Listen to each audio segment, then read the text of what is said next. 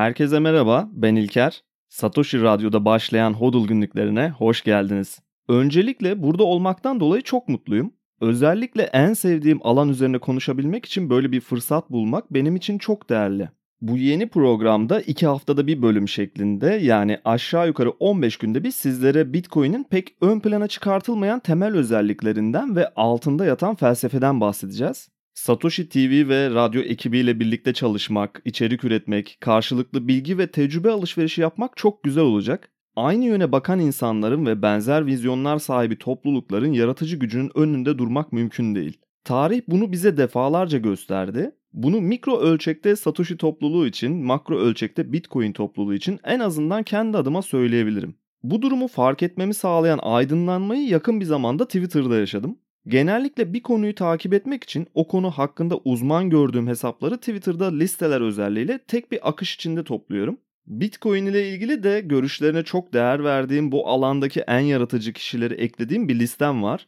O akış listesinde şunu fark ettim. Bu 30-40 kişiden oluşan topluluğun genel olarak tüm dünyayı ilgilendiren konularla ilgili çok benzer şeyler söylediğini gördüm. Bu listeyi yaparken aslında tamamen aynı fikirlere sahip insanları yerleştirmemiştim o akışa. Dünyanın her yerinden farklı dini inanışlara sahip, farklı geçmişlere ve farklı eğitimlere sahip kişiler bunlar. O güne kadar geliştirdikleri fikirlerinden bahsetmiyorum bu arada. Tüm dünyayı ilgilendiren bir konu olduğunda o bahsettiğim akış listesini kontrol ettiğimde hemen hemen birçoğu aynı fikirde oluyor birbirlerinden haberleri bile olmadan. Bunu Covid-19 pandemisinde gördüm. Aşı tartışmalarında, kadın erkek eşitliği argümanlarında ve buna benzer gündelik düşüncelerin hepsinde hemen hepimiz aynı fikirdeyiz. Üstelik birbirimizden etkilenmeden. Sonra bunun neden böyle olduğunu düşünmeye başladım. Bitcoin için önde gelen fikir üreticilerinin neden Bitcoin harici çoğu konuda da hiçbir kolektif ortaklıkları olmamasına rağmen benzer düşünceleri savunduğu üzerine düşünmeye başladım.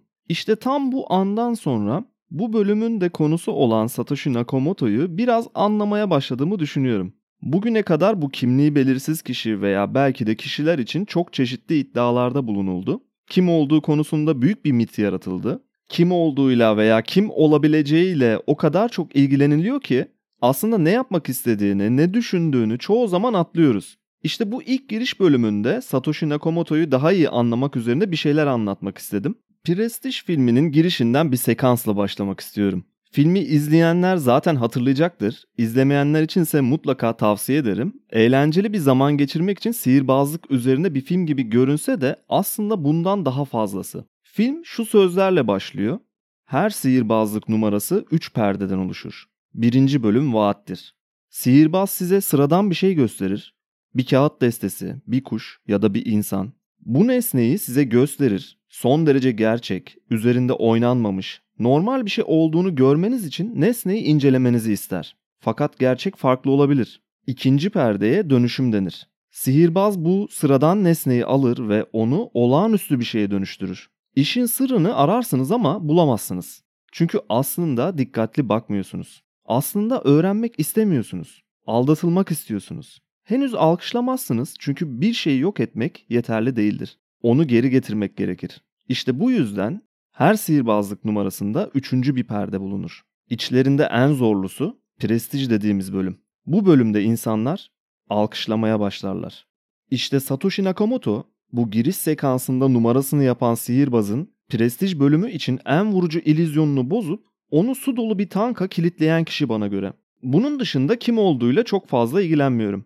Şu ana kadar herkes Satoshi Nakamoto'nun kimliği üzerinden bir gizem yarattı ama bence onu henüz gerçekten tam olarak anlamaya çalışmadık. Nasıl böyle bir yenilik yarattı? Sonra neden kayboldu? Ve tüm bu arada geçen sürede bize verdiği kayıtlı yazıları içinde aslında ne anlatmak istedi? Bunların üzerinde durmaya çalışacağım biraz. Bitcoin'de kullandığı teknolojileri nasıl seçti? Kendi yarattığı yenilikleri nasıl düşündü ve belki de en önemli soru bunu neden yaptı? Tüm bunları daha net anlayabilmek için temel bir argüman yaratmamız gerekiyor öncesinde. Geçenlerde klinik psikolog Jordan Peterson'ın bir konuşmasında denk gelmiştim. İsviçreli bir psikolog Jean Piaget'in gönüllü katılımlarımız ve toplumsal düzenimizle ilgili bir düşüncesinden bahsediyordu. Jean Piaget genel çocuk gelişimi üzerinde duran birisi. Fakat kurduğu argümana birlikte bakarsak eğer oyunlar üzerinden bir düşünce biçimi geliştiriyor. Özellikle çocuk gelişimi üzerine ve gençliğimizde oynadığımız oyunları ve bunların bize toplumsal alışkanlıklar ve düzen anlamında yaptığı katkılardan bahsediyor. Bir kere oyun dediğimiz zaman bu en azından gönüllü bir katılım olmalı. Ayrıca genel düşüncenin aksine kurallar olmalı. Yani aslında bugünlerde çocuklarımızı büyüten eğitimcilerin uyguladığı zorunlu ve kurallarını kendinizin çizdiği katılım şeklinin çok zararlı bir yöntem olduğunu söylüyor. Bir futbol oyununda bugünlerde çocuklar herkesin kendine göre biçtiği görevlere göre özgürce görünen oyunlar oynuyorlar gibi hissettiriliyor. Fakat bir futbol oyununa basketbol topuyla gidemezsiniz. Kaleyi boş bırakamazsınız. Herkes forvette duramaz. Yani kısaca bu daha katılımcı gibi görünen ve daha serbestlik sağlayan durumlar aslında istenilen şeyin tam tersini sağladığı düşünülebilir. Katı kuralları olan futbolda bir amaç var, o da gol atmak. Fakat bunu kolektif bir şekilde bloklar arası boşluğu doldurmadan yapamazsınız. Taç atarak puan kazanamazsınız. Bu kurallar oyun başlamadan önce konulmuştur ve oyuna başlayan herkes bu kurallar üzerinde hemfikir kalmıştır. Oyunun ortasında yeni kurallar çıkartamazsınız. Fakat günümüzde durum tam olarak böyle değil sanki. Hem oynadığımız oyunlarda hem de toplumsal gönüllü görünen katılımlarımızda daha farklı deneyimler elde edebiliyoruz. İki farklı oyun ve hatta bunların amacının aynı olduğunu düşünelim. Birinde gönüllü katılım olsun, diğerinde zorunlu katılım. Gönüllü katılım tarafında tüm bireyler daha yaratıcı bir ortamda çalışarak ortak amaca hizmet etmek için ellerinden geleni yaparlar. Ve tamamen aynı sonuca ulaşmak isteyen bu iki grup arasında gönüllü katılımcılar daha yüksek performans verip amaca ve sonuca ulaşmakta problem yaşamazlar. Jean Piaget'e göre zorunlu katılımlı oyunlarda bu durum daha farklı olur. Bir kere üretmek için ve sonuç için bazı şeylerin disipline edilmesi gerekir ve bu da kaynakları zaten verimsiz kullanmaya yol açar. İnsanlar amaca ulaşmak için yeterince çabalamaz. Kolektif bir uyumdan da söz edemeyiz ve oyunun kurallarının da değişime açık olduğunu bildiğimizden topluluk için hareket etmek yerine kendi kurallarımızı empoze etmeye çalışırız. İşte günümüzde hem kişisel gelişimcilerin verdiği en büyük zarar olarak hem de toplumsal düzenimizde bugünlerde yaşadığımız tüm krizlerin çıkış sebeplerini bu zorunlu katılımcılık düzenine borçlu olduğumuzu söylüyor Jean Piaget. Bunu işsizlik oranlarına ve iş gücüne katılım yüzlerine bakarak görebilirsiniz. İyi de bunun Bitcoin'le ne alakası var diye düşünen belki küçük bir azınlık olabilir. Tamamen bu temeller üzerine kurulu Bitcoin bana göre. Satoshi Nakamoto'nun ilk hedeflediği sonucun toplumsal bir gönüllülük esasına dayalı sağlıklı bir finans dünyası olduğunu düşünüyorum. Paraya ve finans dünyasına işte bu açıdan bakmak lazım. Optimal bir sosyal yapı kurulması için daha önce var olması mümkün olmayan bir araç var elimizde. Eğer optimal bir işbirliği sağlanırsa ve bu durum kendini dış baskılardan koruyabilirse, ayrıca tabii ki oyuncu bir ruh hali hakim olursa, işte o zaman düzgün bir yapı var demektir. Ayrıca insan bu durumu kendisiyle ve çevresiyle daha geniş ölçekte de sosyal yapının genel çerçevesi içinde analiz edip değerlendirdiğinde bu tüm temel prensiplere uygun bir düzen varsa kendi benliğinden ve sosyal yapının kurallarından ayrışmamaya çalışır. Tabi derinine indiğinizde bundan daha fazlası var ama ne kadar karmaşık görünse de Bitcoin neden var sorusunun çok basit ve kısa cevabı bu aslında. Jean Piaget'in bu zorunlu ve gönüllü katılımcı yapılarını bugün finansal düzene uygulamak ve bu cevaba ulaşmak mantıksal olarak oldukça örtüşüyor. Bugün merkez bankalarının tekelinde bir finansal düzen olduğunu, topluluğun zorunlu bir katılımı ve bu sistemde sürekli değişen kurallara uyulmasının söz konusu olduğunu düşünmeye başladı insanlar. Bu finansal yapının yarattığı ilizyonun merkezinde de paranın yaratılış süreci var. Bugün kağıt para dediğimiz kelimenin kökeni Latince fiat kelimesinden geliyor. Fiat lüks ifadesinden geliyor onun kökeni de ve Tanrı ışığı yarattı. Kalıbındaki fiyat yoktan var etmek anlamında yani. Kağıt para yani fiyat para kavramının çıkış noktası işte burası. Bu konuya daha derinlemesine ilerleyen bölümlerde gireceğiz zaten. O yüzden şimdilik çıkış noktası harici üzerinde pek durmayalım. Satoshi'nin bu konuyla ilgili sorulan bir soruya çok güzel bir cevabı var. Geleneksel para birimleriyle ilgili temel sorun çalışması için gereken tüm güven mekanizmasıdır. Merkez Bankası'na para biriminin değerini düşürmemesi için güvenilmelidir. Ancak fiyat para birimlerinin tarihi bu güvenin ihlalleriyle doludur. Bankalara paramızı tutma ve elektronik olarak transfer etme konusunda güvenilmelidir. Ancak bu emaneti kredi balonları dalgaları halinde ödünç verirler ve aslında rezervlerinin çok az bir kısmıyla çalışırlar. Ve tüm bu sistemin içinde biz gönüllü bir katkı sağladığımızı düşünerek hareket ederiz ama aslında öyle değildir. İllüzyonu yaratan da bu işte. Bugün mesela Visa ve Mastercard dışında bir ödeme aracı yok diyebiliriz ve zorunlu bir katılım söz konusu. çizginin dışına çıkmanıza imkan bile yok. Katılımcılar ayrıca belirsiz kurallar çerçevesinde ürettikleri değeri hükümetlerine güvenerek saklamak zorundalar. Ve sürekli bu güven ihlalleriyle karşılaşıyoruz. Bitcoin işte bu sisteme paralel bir ağ olarak gelişmesini sürdürüyor. John PJ'den verdiğim iki farklı oyun temasının şimdi kafalarda biraz daha oturduğunu sanıyorum.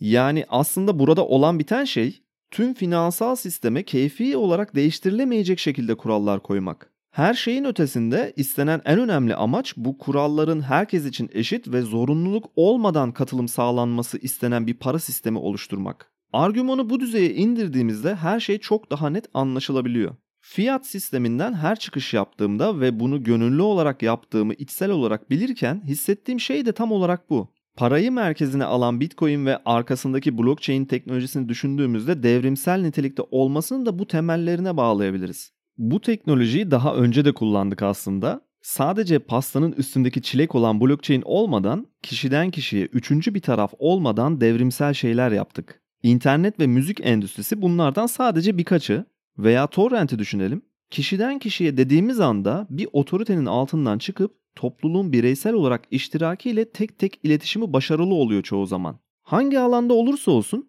düzen gibi görünen bu karmaşık yapının ve kuralsızlıklarının tekeli söz konusuydu uzun bir süre boyunca. Bu toplumsal problemlerimizin belki de en büyüğü paranın dizaynı. Toplumun tüm üreticilerinin gönüllü katılımıyla ve belirli kurallar içinde oynandığı bir oyuna benziyor ilk bakışta. Fakat sonradan anlıyoruz ki bu oyunda birer oyuncudan çok alet gibi bir işlevimiz var. İşte Satoshi Nakamoto bu problemi çözmek istedi ve belki de eğer kural koyucular kendilerine bunu itiraf edebilirlerse veya toplumsal sözleşmemizde daha ilerici çözümlerin olabileceği kabulü yapılırsa ileride bir zamanda birkaç farklı alanda Nobel ödülü alması ihtimalini düşünen büyük bir kalabalık var. Tabii bu devrimi yapmak isteyen aslında ilk kişi Satoshi değildi. 1980'lerden itibaren yükselen cyberpunk hareketini mutlaka incelemek lazım önce Satoshi Nakamoto'nun beslendiği tüm kaynakları biraz açmaya çalışacağım bu kısımda. Çünkü kendisi birbirinden farklı birçok kaynaktan faydalanarak ortaya bambaşka bir sonuç çıkardı. Cyberpunk'lar da bunlardan biri. Bu grup daha çok internetin gelişimiyle birlikte gizlilik ve kişisel hakların üzerine tartışmalar ve felsefe geliştiren bir topluluk. Cyberpunk'ın fikirlerinin kökeni kriptografiyi kullanarak bireylerin kendi kişisel özgürlüklerini korumasını sağlamak üzerine kuruluyor. Hatta yayınladıkları çok önemli bir manifesto var. Eric Hughes'un yazdığı Cyberpunk manifestosuna mutlaka göz atmanızı öneririm. Makale de kısaca şöyle diyor. Elektronik çağda açık bir toplum için mahremiyet gereklidir. Hükümetlerin, şirketlerin veya diğer büyük kimliği belirsiz kuruluşların bize mahremiyet vermelerini bekleyemeyiz. Eğer bir mahremiyete sahip olmayı umuyorsak kendi mahremiyetimizi savunmalıyız. Cyberpunk'lar kod yazarlar. Birinin gizliliği korumak için yazılım yazması gerektiğini biliyoruz ve onu yazacağız. Bu grubun kendine ait bir mail listesi var ve düşüncelerini, fikirlerini bu şekilde toplulukla paylaşıyorlar. Yine bu grubun üyelerinden Timothy May'in yazdığı Kripto Anarşist Manifesto var. Orada da şöyle diyor. Nasıl matbaa teknolojisi ortaçağ loncalarının gücünü ve sosyal güç yapısını değiştirip azalttıysa, Kriptolojik yöntemler de şirketlerin ve ekonomik işlemlere hükümet müdahalesinin doğasını temelden değiştirecek. Gelişen bilgi piyasaları ile birleştiğinde kripto anarşi kelimelere ve resimlere dökülebilecek her türlü materyal için likit bir piyasa yaratacak. Ve tıpkı dikenli tel gibi görünüşte önemsiz bir buluşun geniş çiftliklerin çitle çevrilmesini mümkün kılması ve böylece sınırların batıdaki toprak ve mülkiyet hakları kavramlarını sonsuza dek değiştirmesi gibi Aynı şekilde matematiğin gizemli bir dalından küçük görünen bir keşif, fikri mülkiyet etrafındaki dikenli telleri söken tel kesme makineleri olacak. Kalkaya, dikenli tellerden başka kaybedecek bir şeyin yok. Bu manifestoları okuyunca işte Bitcoin'in köklerinin atıldığı yerleri görebiliyorsunuz. Ayrıca bu yazılar 1990'ların ortasına ait. Yani bundan neredeyse 30 yıl öncesinde geliştirilen fikirler. Her nedense kripto anarşistler ve cyberpunklar 2000'lerden sonra biraz kabuğuna çekilmiş gibi görünüyor.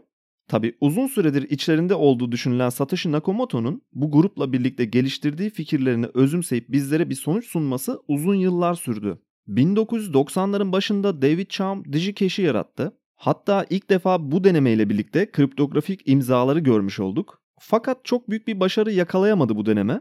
1990'ların ortalarına doğru e-gold çıktı. Bu protokol gerçek altınların yerine bunların dijital olarak transferini sağlamayı çözdü. Altın transferi için bu protokolü kullananlar şirketin bu altınları dijital bir şekilde başkası adına geçirirken fiziki olarak da tutmasına güvenmesi gerekiyordu. 2000'lerin başında şirket regülasyonlar sebebiyle kapatıldı. 90'ların sonuna doğru Wei Dai B-Money isimli bir makale yayınladı. Dağıtık bir yapıda elektronik nakit sistemi geliştirdiğini ve kullanıcıların anonim kalabileceğini söyledi. Bu makale Bitcoin'in yaratılmasındaki en somut kaynak belki de çünkü Bitcoin makalesinde Satoshi en altta referanslar bölümünde ilk sırada Wei Dai'nin bu makalesine atıf yapıyor. Daha sonrasında 1998'de bu sefer Nick Szabo Bitgold adını verdiği bir kripto para çıkartıyor. Proof of Work altyapısı haricinde Bitcoin'e en çok benzeyen protokol de bu aslında. Proof of Work yerine ağdaki kullanıcıların çoğunluğunun oylaması üzerine kurulu bu sistem çok başarılı olamıyor tabi. Bunların hepsi cyberpunkların ürettiği çözümler. Kod yazmayı biliyorlardı ve söz verdikleri gibi bu fikirlerini yazılıma çevirdiler. Tüm bu çabaları ve kripto para fikrinin ilk tohumlarına bakmadan Bitcoin'i ve Satoshi Nakamoto'nun ne yapmak istediğini anlamak çok kolay değil. O yüzden bu başarısız adımların her birini bizi Satoshi'nin vizyonuna ve Bitcoin'e ulaştıran birer katalizör olarak görmek gerek. Tüm bu gelişmeler Nobel ödüllü ekonomist Milton Friedman'ın da dikkatini çekmişti ki bu konuyla ilgili şöyle diyor. İnternetin hükümetin rolünü azaltan en büyük güçlerden biri olacağını düşünüyorum. Şu anda eksik olan ancak yakın bir zamanda geliştirilecek olan tek şey güvenilir bir e-nakit sistemi. O bunu daha 1999 yılında çoğu girişim başarısız olmuşken tahmin ediyor. Hatta transferlerin kriptografik olarak yapılabileceğini, gönderen A kişisinin alıcı B kişisini anonim olarak bilebileceğini öngörüyor. Haksız da çıkmadı. Sadece biraz zamana ihtiyaç vardı ve ayrıca zamanı gelmiş bir fikir kadar güçlü bir şey olmadığını anlamak için çok fazla beklememiz de gerekmiyordu. Tabi 2002 yılında Adam Beck'in geliştirdiği Hashcash Bitcoin öncesinde atılması gereken başarısız adımlardan biriydi. Adam Beck de bizleri hash sistemleriyle tanıştırdı bu geliştirdiği protokolde. Hatta Satoshi Nakamoto'nun o olduğunu iddia edenlerin sayısı da bir hayli fazla. Yine de sanırım şimdiye kadar anlamış olduğumuz gibi aslında onun kimliğinden çok daha önemli bir durum var ortada. Satoshi Nakamoto belki de tüm bu başarısız adımları çok yakından takip etti ve kendi protokolü için tecrübe edindi. Bu aslında çok açık bir çıkarım. Çünkü kendisine bu eski başarısız denemelerle ilgili gelen bir soruya verdiği yanıt şöyle. 1990'lardan bu yana başarısız olan tüm şirketler nedeniyle birçok insan otomatik olarak e-para birimini ümitsiz bir vaka olarak reddediyor. Bence onları bitiren şeyin sadece bu sistemlerin merkezi olarak kontrol edilen yapısı olduğu çok açık. Sanırım merkezi olmayan ve güvene dayalı olmayan bir sistemi ilk kez deniyoruz. Bu yanıtından sonra sanırım onun neden sadece bir isim arkasında gizli kaldığını anlamak hiç de zor değil. Satoshi tüm bu başarısız girişimlerin merkeziyetçi yapılarını çok güzel analiz edip kendini tamamen protokolün dışına çıkarmayı başarmış birisi. Güven mekanizmasını da yine benzer bir şekilde çözüyor. Üçüncü partileri tamamen çıkarmasını sağlayan Proof of Work sistemiyle. Bitcoin'in çıkış fikrini ve altyapısını sanırım biraz daha iyi anlayabiliriz bu farklı açılardan baktıktan sonra. Fakat bu Satoshi Nakamoto'yu tamamen anlamak için yeterli değil.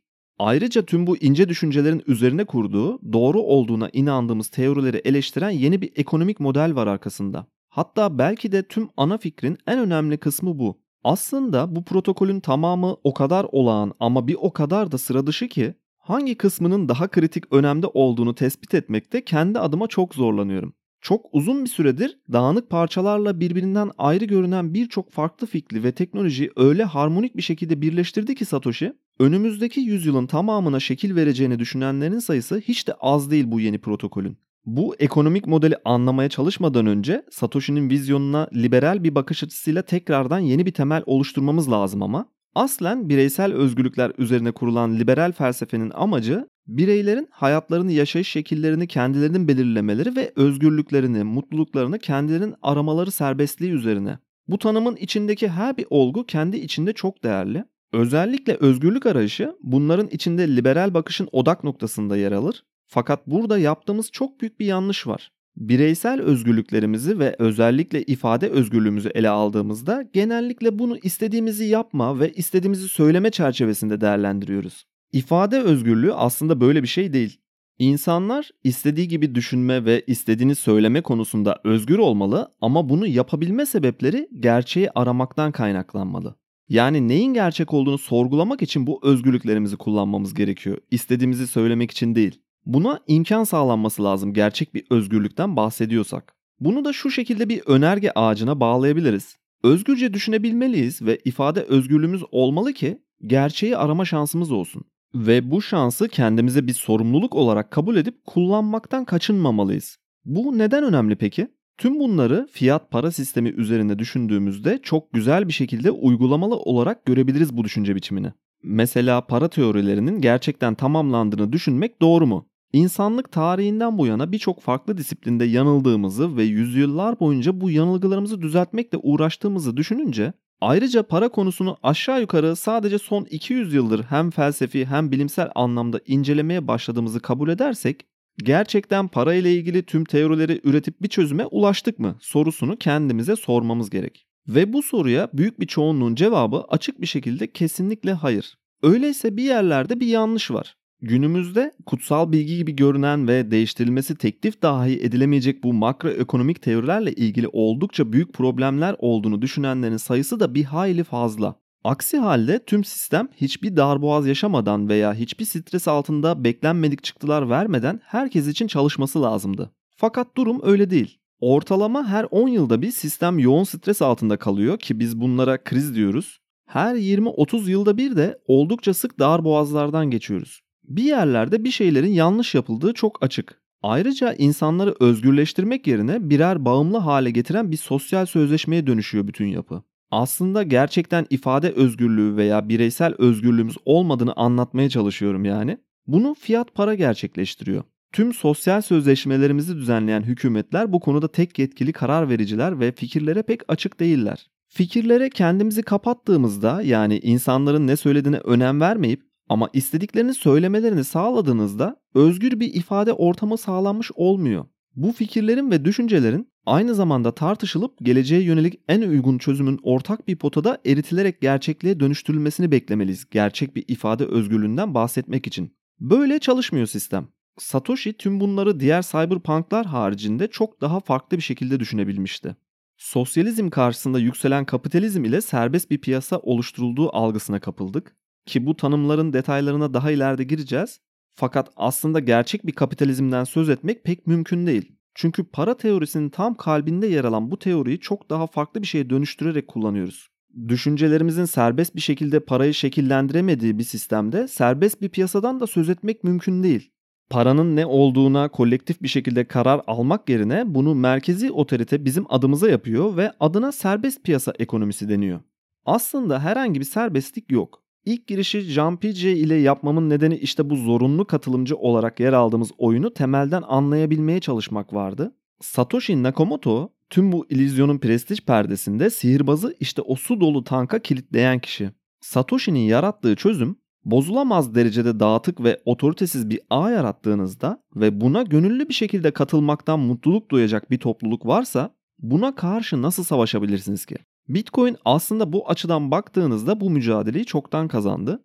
Satoshi tüm diğer başarısız olan fikirlerin üzerine kendi çözümünü sunduğunda protokol artık kendi kendine devam edebilecek seviyeye geldiğinde sessizlik içinde kaybolması gerektiğini biliyordu. Bu yüzden daha en başında bile bulunmamak için gerekli tüm önlemleri alarak başladı zaten. Çünkü protokolün arkasındaki en büyük güç merkeziyetsiz olması ve tekil bir başarısızlık noktası yer almamasından geliyor.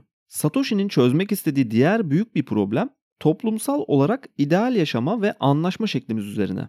Toplum sözleşmesi çok uzun bir süredir tartışılan bir fikir. En büyük sorunumuz da paylaşım teorisi üzerinde geniş pencereden baktığımızda üretilen değerin nasıl paylaşılması gerektiğiyle ilgili henüz tam olarak bir konsensusa varmış değiliz. Belki problemin çözümüne kapitalizmle bir nebze yaklaşmış olsak da bir şeylerin oldukça ters gittiğini görmemek için gözlerinizi hiç açmamış olmanız gerek. Kapitalizmi biraz da yanlış anladığımızdan ve uygulamadaki problemlerden ve devletlerin totaliter bir yapıda olması gerekliliğinden kaynaklandığını söyleyebiliriz hatalarımızı genel olarak. Satoshi kapitalizme bu ufak dokunuşu yapıyor ve eksik parçayı birleştirmeye çalışıyor bir bakıma. Serbest piyasa ile ilgili aslında özgürlüklerimizin ve serbestliklerimizin sınırsız sunulduğu bu sonsuz ihtimaller dolu işleyişte gerçek amacından saptırılan bir özgürleşme sunulduğunu söylemek hiç de zor değil. Kapitalizmi bir kenara bırakırsak ondan daha da kötüsü komünizm teorisinde yine paylaşım ekonomisiyle ilgili daha büyük hatalar olduğunu söylemek yanlış olmaz. Özellikle Komünist Manifestosu'na bakarsak Karl Marx'ın Daha adil bir paylaşım toplumu için uygulamaya geçilmesinde şunları öneriyor Marx'ın manifestosu.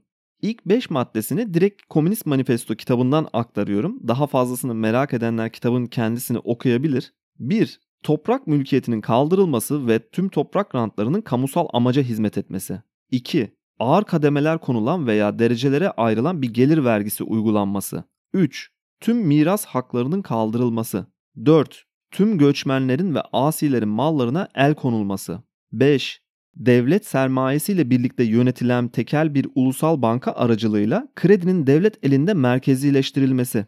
Hemen hepimiz komünist teoriyi biraz da olsa bilmemize rağmen tahminin büyük bir çoğunluk yukarıdaki bu maddelerin hemen hepsine karşı çıkacaktır. Bu teoriyle ilgili en ünlü ve en büyük deneyin Sovyet Rusya'da uzun bir süre denenmesini izledik ve başarısızlığı tescillendi. Bireyi yok edip totaliter bir yapı üzerinden temelde bireyi özgürleştirdiğini ve emeğinin karşılığını alabileceğini savundular kısaca. Fakat çok da uzun bir süre olmadan gördük ki gönüllü ve serbest olmayan bir üretim ağında aynı John Piaget'in çocuklar üzerindeki oyun teorisinde olduğu gibi benzer sonuçlarla karşılaştık. Kimse üretime almak istediği değer ölçüsünde girmiyordu. Kimse üretmek istemiyordu. Çünkü totaliter devlet insanların bu ihtiyaçlarını eşit olarak karşılayacağını söylüyordu ve neden ben veya bir başkası bunun karşılığında diğerinden fazla çalışsın ki diye düşündü insanlar. İlerlemenin ve gelişimin mümkün olmadığı durağan bir sistem. Satoshi bu problemi üretilen değerin korunması üzerine düşünerek çözmeye çalışıyor işte. Bu deney başarısız olduğunda ki ulusların bir kısmı bunu beklerken ve kapitalizme inancı körüklerken bir yandan da bu teorinin içine bazı zararlı makroekonomik modeller yerleşti. Enflasyon gibi mesela. İnsanların üretim depresyonuna girmemesi için, tüketim teşviklerine yöneltilmesi için enflasyon gerekliliği doğduğu savunuldu. Çünkü tüketmek için üretmek gerek. Üretime katılım oldukça bir değer takasından ve çalışma arzusundan söz edebiliriz. Kısıtlı zamanımız olduğunu ve zaman konseptini daha iyi anladıktan sonra elimizdeki süreyi değerlendirmek üzere çalışmayı akıl ettik. Çalışmaya ve değer üretmeye olan ihtiyacımızı keşfettik. Bu aynı zamanda gelecekle ilgili bir kaygı duyduğumuz için şimdiden bir değer üreterek hazırlıklı olmaya çalışmayı beraberinde getirdi. Yani gelecek için şimdiki zamanı değerlendirmeyi çözüm olarak bulduk. Fakat fiyat para sisteminde bunun tam tersi uygulanıyor. Fiyat sistemi tamamen borç üzerine kurulu bir konsept. Gelecekteki değerlerimizi şimdiki zamana borçlanmayı bize fırsat olarak sunuyor. Enflasyonun temel amacının çalışma arzusu yaratmak olduğunu fakat daha dikkatli bakınca zorunlu bir katılım oyunu yarattığını söylemek doğru bir tanım olur. Bunu da üretim olmasına ve işsizlik olmamasına denklemliyorlar. Enflasyon yine daha dikkatli bakınca borç yapmayı teşvik ediyor. Bu teşvik o kadar net ki buna öne çekilmiş talep etkisi diyoruz kısaca. Borcu olanlar daha çok enflasyon olmasını isterler. Çünkü bugün borçlanan kişi enflasyon etkisiyle bugün harcadığı gelecek değerin karşılığını gelecekte daha değersiz bir şekilde ödeyecek. Enflasyon tek düzlemi zaman olan bir değer problemi aslında. Tüm bu çarpık yapının içinde parayla ilgili daha dikkatli ve tutumlu olanlarsa cezalandırılıyorlar. Hem tüketenin hem değer saklamaya çalışanın uzun vadede zarar gördüğü bir sistem. Aynı zamanda üretimde katkısı olan yaratıcı kişiler yani üretmekle meşgul olanlar yine cezalandırılmış oluyor. Çünkü harcadıkları enerji karşılığında elde ettikleri değer kontrolü kendilerinde olmayan ve kuralları sürekli değiştirilerek manipüle edilen fiyat para. Satoshi bu çözüme kapalı problemin tespitini çok iyi yapmıştı. Üretenin, tüketenin ve aynı zamanda da saklayanın enflasyonla tek düzleme indirilen problemine çok düzlemli bir yeni teori geliştirdi. Özellikle buradaki bu üç sınıfın en büyük problemlerinden biri de mülkiyet sorunu. Marx'ın burjuvazi ve proletarya arasındaki en doğru tespiti de zaten buydu. Problemin tespiti doğru fakat çözümün yanlış olduğunu söyleyebiliriz Marx için. Mülkiyet hakkı temelinde aslında paylaşamadığımız en büyük çatışmamız. Özel mülkiyetin olmaması da kabul edilemez bir teori zaten günümüzde. Fakat yine de en çok ihlal edilen haklarımızdan birisi mülkiyet haklarımız. Otorite veya totaliter bir rejim bu haklarınızı çok kolay bir şekilde güç kullanarak elinizden alabiliyor. Peki o halde sahiplik istediğimiz alanlarda bunu sağlamada yeterince serbest miyiz? Pek öyle değil. Kapitalistler bu sorunu serbest bir piyasa algısı yaratarak çözmeye çalışıyor ya da en azından kapitalizmi böyle yorumluyor. Fakat tamamen serbest bir piyasadan söz etmek de mümkün değil. Paranın kaynağı ile ilgili ve paranın yaratılma süreciyle ilgili çok büyük bir problemi var bu yaklaşımın kredi balonlarıyla birlikte imtiyazlı gruplar yaratılıp yeterince emek ve enerji harcamadan haksız görünebilecek bir değer üretimini teşvik ediyorlar. Satoshi, kapitalist ve komünist manifestoların bu problemli kısımlarını çözen bir protokol yaratmayı başardı. Kapitalistlerin zorunlu katılımcı olmanızı gerektiren değer saklama aracının zaman problemini ve zorunluluk modelini çözerken komünistlerin tekel ve otorite teorilerine karşı merkeziyetsiz ve dağıtık bir ağ sunarak cevap verdi. Bu yeni teorinin gerçekten işe yarayıp yaramayacağını aslında net olarak bilemiyoruz. Şu anda El Salvador'u bu deneyin sıfır noktası olarak kabul edebiliriz. Liberaller haklı mı veya bu protokol tamamen başarısız mı olacak? Kısmen bazı sonuçları bu sıfır noktasında alacağız. Çok uzun bir süredir para ve devletin birbirinden ayrılması gerektiğiyle ilgili teoriler üretiliyor ama bunu kanlı canlı gerçekleştirebilecek bir yenilik olarak Bitcoin var olana kadar elimizde böyle bir araç yoktu. O yüzden sürdürülebilir bir toplum kurabilmek için sonuçlarını kestirmek henüz çok erken ama bunu hep birlikte deneyimleyeceğiz. Satoshi tüm bu teorilerin üstüne ekonomik bir model geliştirmek isterken kendisinin bir ekonomist olmadığını ama Avusturya okulu ekonomisinden etkilendiğini söylemek mümkün. Çünkü değer problemine yaklaşımı bunu net bir şekilde gösteriyor. Bitcoin ve altın madenciliğini birbirine benzettiği bu değer meselesiyle ilgili direkt kendi sözleri şu şekilde. Altın madenciliğinin marjinal maliyeti altın fiyatına yakın kalma eğilimindedir. Altın madenciliği bir israftır.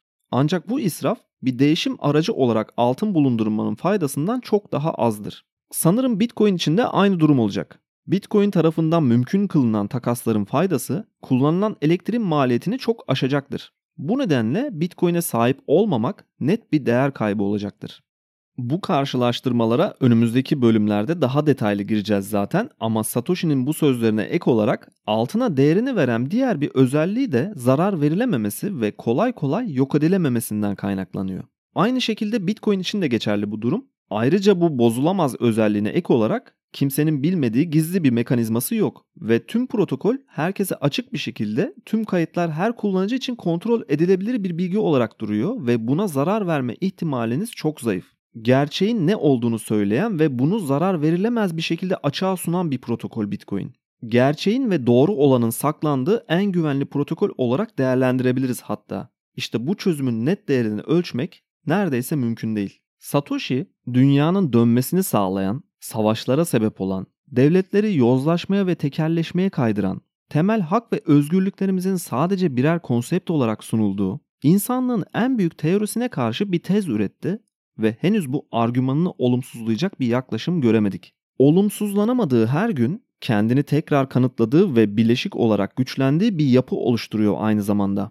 Tüm bu teoriyi düzgünce açıklama ihtiyacından da bahsediyor Satoshi. Liberal bakış açısının bu fikre hemen ısınacağının da farkında. Yine de kod yazmakta kelimelerden daha iyi olduğunu belirtiyor. Bu boşluğu onun yerine dolduran, arkasındaki matematiği ve felsefeyi kelimelere dökmeye çalışan bir topluluk da yaratıldı. Ben de kendimi onlardan biri olarak görmeye çalışıyorum ve yine Satoshi'nin deyimiyle yeterince insan aynı şekilde düşünmeye başlarsa bu kendi kendini gerçekleştiren bir kehanet olacak. Yeni şeyler söyleyene dek bu haftalık Hodul günlüklerinin sonuna geldik. Satoshi Radyo ve Satoshi TV sosyal medya hesapları üzerinden programı takip etmeyi ve beğendiyseniz paylaşmayı unutmayın lütfen. Tabi bir de bildirimleri açarsanız birbirinden farklı içeriklerden daha verimli bir şekilde haberdar olabilirsiniz. Bir sonraki bölümde görüşmek üzere.